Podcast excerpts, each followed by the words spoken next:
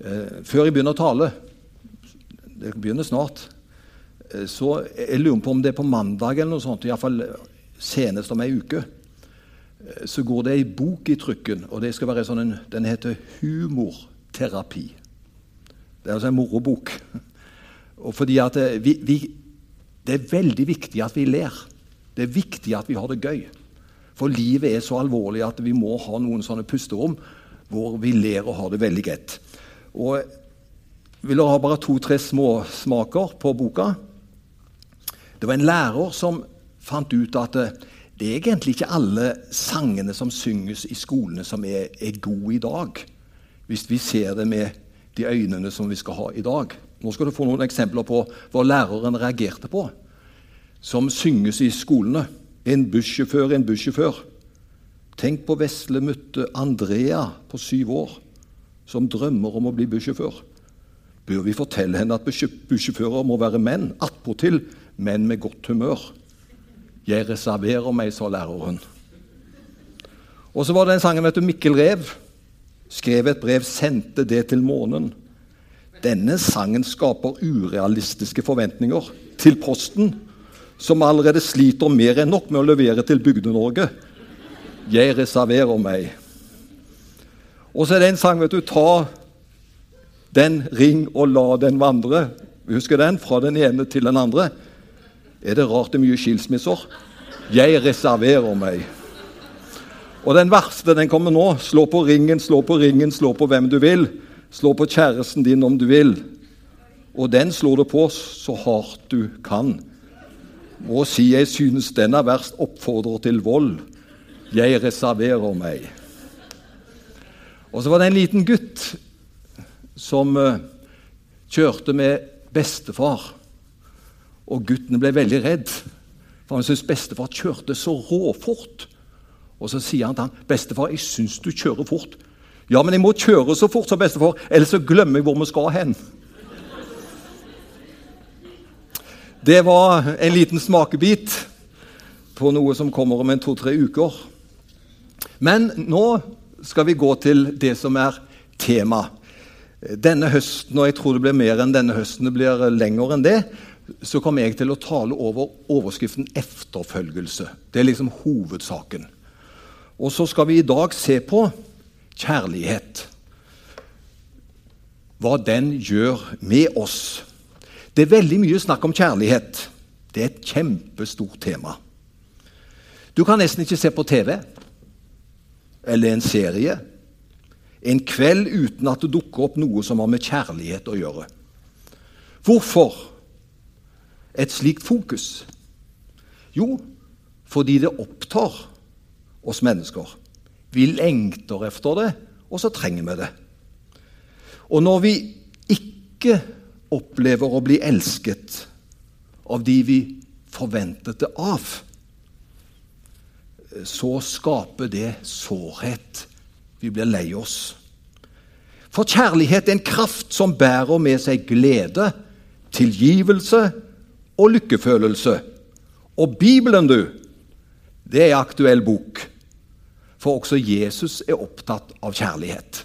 Så nå skal vi se litt på hva Bibelen sier om kjærlighet, for Jesus var virkelig opptatt av kjærlighet. I vårt forhold til Gud er kjærlighet viktig. Kjærligheten er limet i fellesskapet vårt. Derfor sier Jesus dere skal elske hverandre slik som jeg har elsket dere. Det sa han til disiplene. Vet dere hva disippel betyr? Skal jeg slippe å få et svar her, altså, men Vet vi hva en disippel betyr? Det betyr egentlig en lærling. Og en lærling går i lære for å lære av de som kan det. Jesus kunne det. Han var god på å vise kjærlighet, for å si det forsiktig. Derfor var det tyngde bak hans ord når han sier en disippel er en som elsker andre disipler. Dere må lære dere det, disiplene mine. Og Jesus kunne være læremester i kjærlighet og lære opp sine disipler lærlinger til å også praktisere kjærlighet. For Jesus gjennom hele livet viste kjærlighet. Kjærlighet er kanskje verdens viktigste ord. Og så står det i Bibelen at Gud er kjærlighet. Dersom vi ikke viser kjærlighet til andre, da sier Bibelen at vi ikke har del i Gud. For Gud er kjærlighet. De som tror de kan velge om de skal elske sine medmennesker, de må dra ut på landet. For vi kan ikke velge å elske våre medmennesker. Det må vi. Ellers så kjenner ikke Gud oss, for Gud er kjærlighet.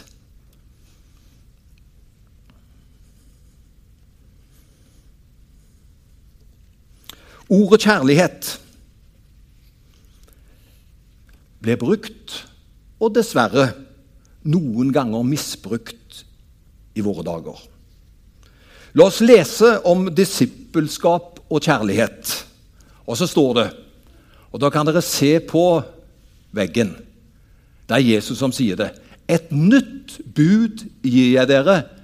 Dere skal elske hverandre. Som jeg har elsket dere, skal dere elske hverandre. Har dere kjærlighet til hverandre?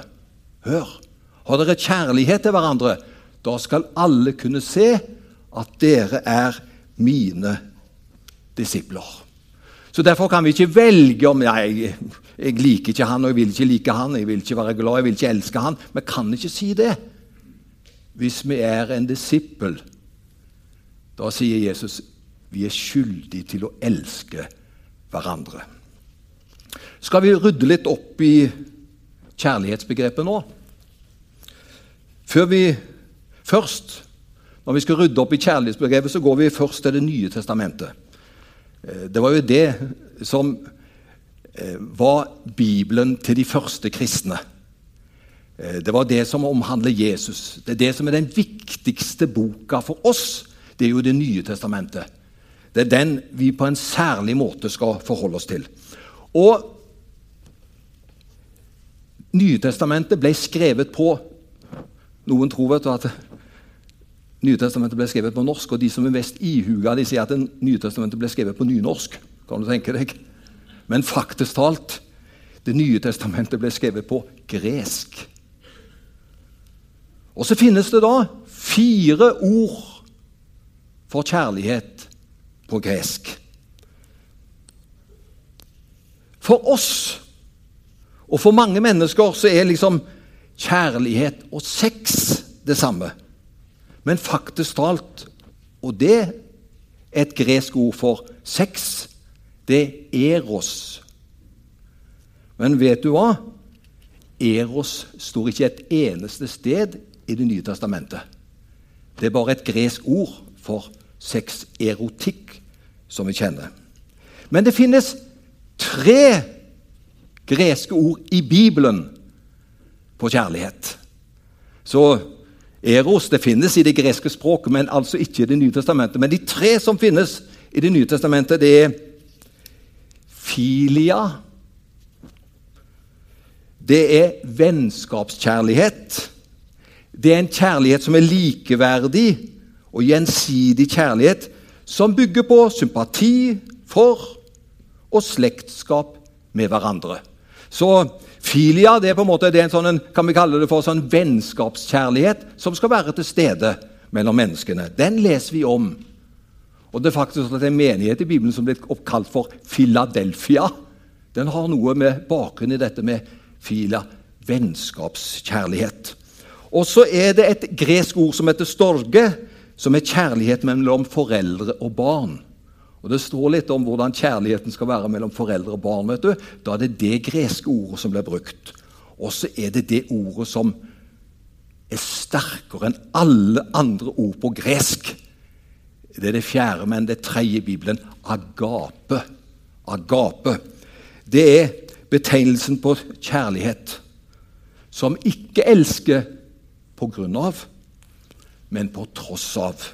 Det er den betingelsesløse kjærligheten. Det er den Jesus elsker oss med. Tenk om Jesus bare elsker oss med en kjærlighet at hvis vi var greie, så elsker han oss. Men den stiller ikke betingelser. Den er absolutt. Den er gudvilla. Den elsker oss uansett hvordan vi er. Og agape brukes alltid om Guds kjærlighet. Og den er fra evighet av. Så Guds kjærlighet den har med Gud å gjøre, derfor har den alltid vært der. Gud er kjærlighet. Men Guds kjærlighet betyr ikke at han aksepterer oss slik vi er. Det er jo det vi hører noen ganger i dag, at du kan, være, du kan gjøre hva du vil, og du kan være hva du vil fordi Gud er kjærlighet. Nei, Guds kjærlighet aksepterer oss ikke slik vi er. Og nå skal du høre hva som står i 1. Johannes 4, 10. Ja, dette er kjærlighet, ikke at vi har elsket Gud, men at Han har elsket oss og sendt sin sønn til soning for våre synder. Det er en kjærlighet der Gud elsker oss. Og hør samtidig hjelper han oss med vår tilkortkommenhet og synd. Derfor sendte han sin sønn til soning for våre synder. Og den kjærligheten kan vi ikke leve uten at Jesus kommer og tilgir oss og renser oss og fyller oss med sin kjærlighet. Det står om kjærlighet i Det gamle testamentet også. Og noen tror, og faktisk at kona mi hun er veldig oppegående, hun som var her i stad Så da kan dere si til henne at han, mannen sa at hun er oppegående. Men hun sa ja, men Sten, det der en Du skal elske din neste som deg selv. Er ikke det et sånt nytestamentlig begrep, det, sa hun? Det er lett å ta feil av det, for det står nemlig om det i Det nye testamentet. Og Jesus siterer det i Det nye testamentet, at du skal elske din neste som deg selv. Men sannheten er det. Det er et gammeltestamentlig sitat. Det kommer fra Det gamle testamentet, fra 3. Mosebok kapittel 19. Der står det om alle disse budene. Og blant alle disse budene så står det 'du skal elske din neste som deg selv'. Det betyr at vi skal ikke elske vår neste mer enn oss selv, eller mindre enn oss selv. Men vi skal elske vår neste som oss selv. Og nå skal du høre, dere unge og dere voksne og dere eldre også. Hvis jeg ikke er glad for at jeg er den jeg er, vil jeg bli selvopptatt og stadig søke efter bekreftelse. Men en sunn selvkjærlighet setter meg fri til å være god mot andre. Og det husker jeg når jeg var ung predikant. Da tenkte jeg at hvis andre predikanter fikk veldig mye ros, så tenkte jeg det var ikke så bra. Fordi du føler liksom at de blir løftet opp, og så føler du følelsesmessig at du sjøl ble dratt ned. De sa jo ikke et ord om meg. Men du kan ha en sånn følelse at hvis andre får for mye skryt, og så kan du tenke hvorfor får ikke jeg det? Jeg vil gjenta det jeg sa. Hvis jeg ikke er glad for at jeg er den jeg er, vil jeg bli selvopptatt og stadig søke efter bekreftelse. Men en sunn selvkjærlighet setter meg fri til å være god mot andre. Og vet du hvem som er veldig god mot andre? Vet du hvem som er veldig til å gi komplimenter til andre? Folk som er trygge på seg sjøl og har et greit selvbilde. For det er vi satt til for å løfte andre opp. Kjærligheten, den ofrer. Så Jesus går enda lenger enn det det var i Gamle testamentet. For i Det gamle testamentet så sa jo nest, nettopp at du skal elske din neste som deg selv. Men Jesus han går enda lenger, og så gir han oss et nytt bud. Dere skal elske hverandre som jeg har elsket dere, skal dere elske hverandre. Jesus elsket ikke disiplene som seg selv, slik som Det gamle testamentet sa. Han elsket oss så høyt at han gav sitt liv for oss. Og det er en helt ny dimensjon. Og Johannes, kjærlighetens apostel, sier det så sterkt i sitt brev. Hva kjærlighet er, har vi lært av Jesus da han gav sitt liv for oss. Og så sier Johannes så skylder også vi å gi vårt liv til for våre søsken. Og så Kjærligheten den binder sammen. Jesu bud om elske opphever ikke nestekjærlighetsbudet, for nestekjærlighetsbudet det er der fortsatt. Vi skal elske alle mennesker. Men hør våre kristne brødre og søstre skal vi elske med en enda større kjærlighet. Kanskje det også skal være en liten ny dimensjon for oss, hvis du ikke har tenkt over det før. Vi skal elske alle mennesker. Vi skal ikke ha fiender. Vi skal elske alle. Men faktisk alt, det er noen vi skal elske ekstra mye. Det står 'troens egne folk'. De skal vi elske helt spesielt. Den innbyrdes kjærligheten er et kjennetegn på at vi er født på ny og eier livet i Gud. For kjærligheten er fra Gud, og den som elsker, er født av Gud og kjenner Gud. Kjærligheten er en gave som vi får inni oss når vi sier ja til Jesus. Den gaven er livet fra Gud, som vi bærer med oss gjennom livet og inn i himmelen når livet her er over. Faktisk at denne kjærligheten er fellesnevneren for vår tro. Og jeg er så glad for, Når vi sa ja til Jesus for første gang, så fikk vi denne kjærligheten inn i livet vårt. Agape. Og Den kjærligheten vil være med oss hele livet, og den vil en dag føre oss inn i himmelen. Der er det bare kjærlighet. Men uansett alder, kjønn, hudfarge og kirkesamfunn alle som tror på Jesus, er våre søsken. Og de skal vi sette høyt. Kjærligheten er også et synlig vitnesbyrd utad om at vi hører Jesus til. Har dere kjærlighet til hverandre, da skal alle kunne se at dere er mine disipler. Nå skal jeg være litt pedagogisk og si nå slutter jeg snart med talen min. Det er godt å si, vet du, for video på hvor lenge skal han holde på. Jeg slutter snart nå. Men nå skal du høre. Kjærligheten, den forvandler oss. Du skjønner, vi kan ikke forvandle oss. Men Guds kjærlighet kan forvandle oss. Det var det tolleren Sakkeus fikk høre. Du vet han som var oppe i treet?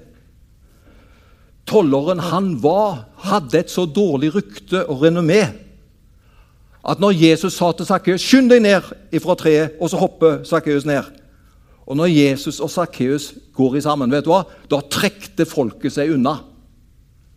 For det var sjokkerende for folk at, de, at Jesus av alle ville ta inn til Sakkeus. Vet du hva de sier? Se, han tar inn til et syndig menneske. Det sa folket. Men det var jo slik Jesus kom for. Og den kjærligheten som Sakkeus ble møtt med da Jesus var hjemme hos han den dagen, den forvandla han for du kan lese hva som skjedde med Sakkeus etter det møtet med Jesus. Han sier, 'Har jeg gjort urett mot noen? Jeg skal gjøre opp.' Og Det var ikke bare snakk om en simpel rente. De skal få fire ganger igjen hvis de har misbrukt og utnytta noen. Kjærligheten, den forvandler. Det, for, for, det, for, det, fortelles en historie da Gordon Johnsen Og misjonsforbundere kan gjerne være litt stolt over Gordon Johnsen. Eh, pappaen hans var pastor for lenge lenge siden i Betlehem i Oslo. i misjonskirka der. Og sønnen, Gordon, han utdanna seg til lege. Og Det var han som starta Modum Bad og Nervesanatoriet. Men når han starta opp som lege, så starta han faktisk opp som fengselslege. Og En dag gikk Gordon Johnsen forbi ei celle til en av de mest hardbarka forbryterne.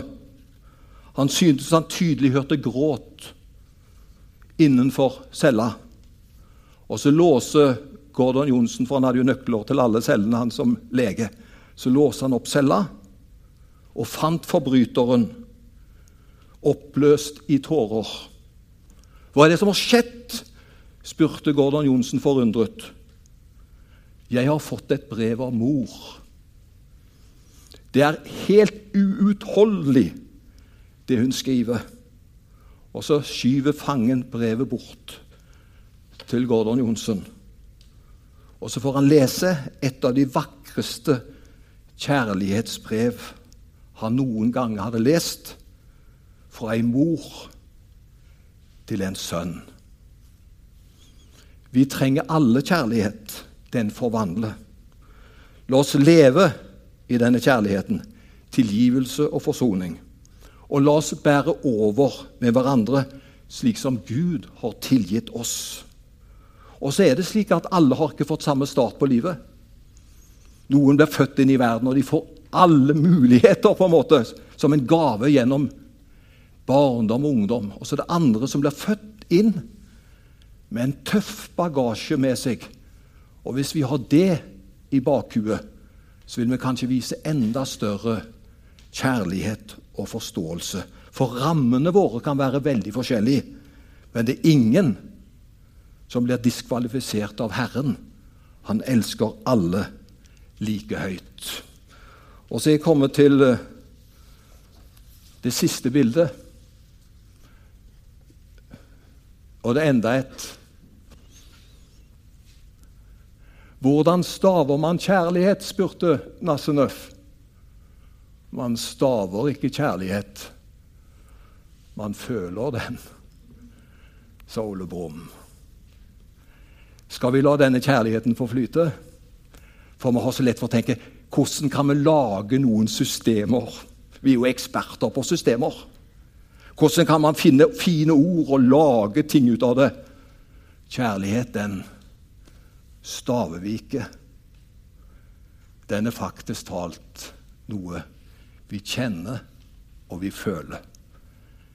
Skal vi be Gud å hjelpe oss? For den kjærligheten som vi snakker om nå, den agapekjærligheten, den klarer vi ikke sjøl. Men Jesus vil hjelpe oss. Og så kan vi få være lærlinger, ikke sant? lærlinger hos Jesus. Og så vil denne kjærligheten vokse. Må Gud velsigne oss og hjelpe oss alle sammen. Amen.